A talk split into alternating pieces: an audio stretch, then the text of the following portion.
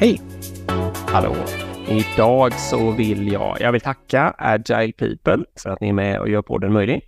Och sen vill jag slå ett slag för att ni kan följa Agile People på LinkedIn. Och ja, man kan mm. söka upp dem, men uh, man, jag lägger en länk i avsnittsbeskrivningen och där kan ni ju se vad som händer och vad det är för event som kommer och sådana där saker. Eh, idag ska du försöka förklara en, eh, en blandning av en ironisk sak och en oironisk som jag har lite svårt att ta in. Mm. Nej, men och den här kanske är lite mer IT-specifikt, så vi får be om ursäkt om ni inte jobbar inom det. Men grejen är så här, och det finns en kille som heter Jan Cutler, han har pratat om innan, han är någon form av produktmänniska, influencer kan man väl kalla honom. Mm. Och han skrev då så här, föreställ dig att du spelar Tetris varje eh, form vari kan variera. I vanligt mm. så finns det ju bara fem, sex former, men varje form kan variera.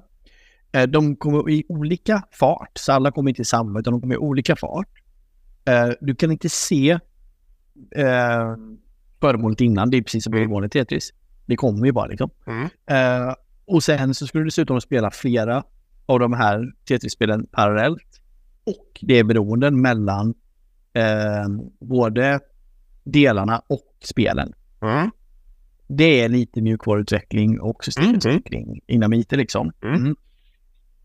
Och då är han ju, det, det han säger, det ironiska han säger här är då liksom att ja men addera lite planering, eller addera, addera mycket eller bättre. Ännu mer planering ja. Mm. Estimera ännu mer så kommer ja. allt bli bättre. Ja. För det är den trenden som sker liksom i IT-branschen nu att uh, för, att, för att hantera den här komplexiteten, det här blir bara värre desto mer du skalar en organisation också. Ja.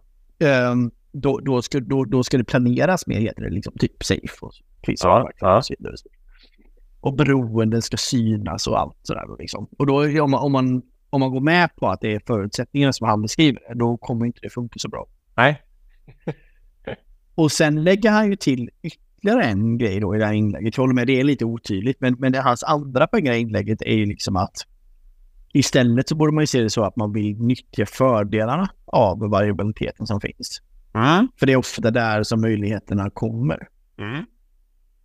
Så istället för att bara lägga en våt filt av planering över hela det här systemet så är han inne på liksom att man vill ju ha det där och så måste man på något sätt tillåta att det sker innovation tack vare all variabilitet som sker. Ungefär så. Mm. Men huvudpoängen tycker jag är, är ju att planering är sällan eh, vad ska man kalla det? Planering är ju aldrig lösningen på ett komplext Nej. problem. Nej, exakt. Det är väl kanske huvudpoängen och det håller jag med om. Eh, I alla fall, alltså, i alla fall inte att man kan planera sig ur det liksom mer och mer noga så att säga. Vad heter det? Mm, nej, men jag håller med.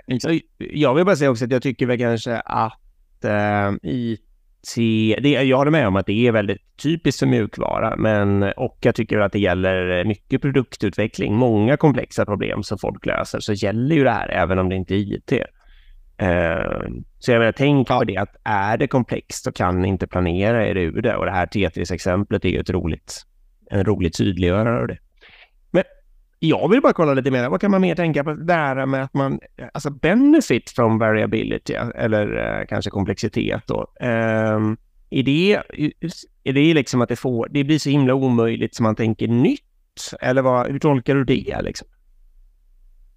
Så. Ja, jo men precis. Jo men det är det väl på något sätt att uh, uh, alltså om man inte om man, alltså, man skulle kunna säga att det har, har lite med autonomi att göra. Att låter man teamen innovera och göra mm. det de tror på.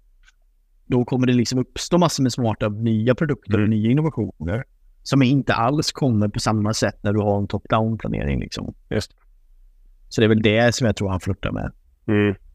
Nej, och det stämmer väl förstås. I det där Tetris-exemplet så hade man kanske då, inte vet jag, man hade kanske skrivit autonoma dataprogram som kommunicerade med varandra fast på ett liksom synkront, smart sätt som löste ut det där till exempel.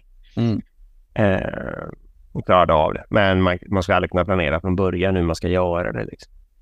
Mm. måste fattas beslut lokalt där och då i varje sånt spel då till exempel. Mm, exakt. Mm, ja, men det är sånt.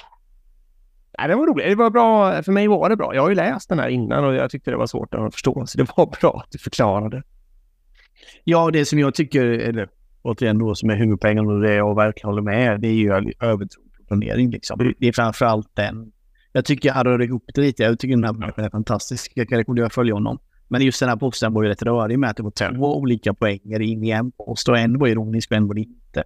Nej, så den var ju lite komplicerad. Och, precis, vill ni se den så leta upp eh, John Cutler på LinkedIn helt enkelt. Mm. Bra! Vad är det mm. Allt för idag. Tack för det. Tack för idag. Tack. Alltså, piper. Hej. Hej, hej.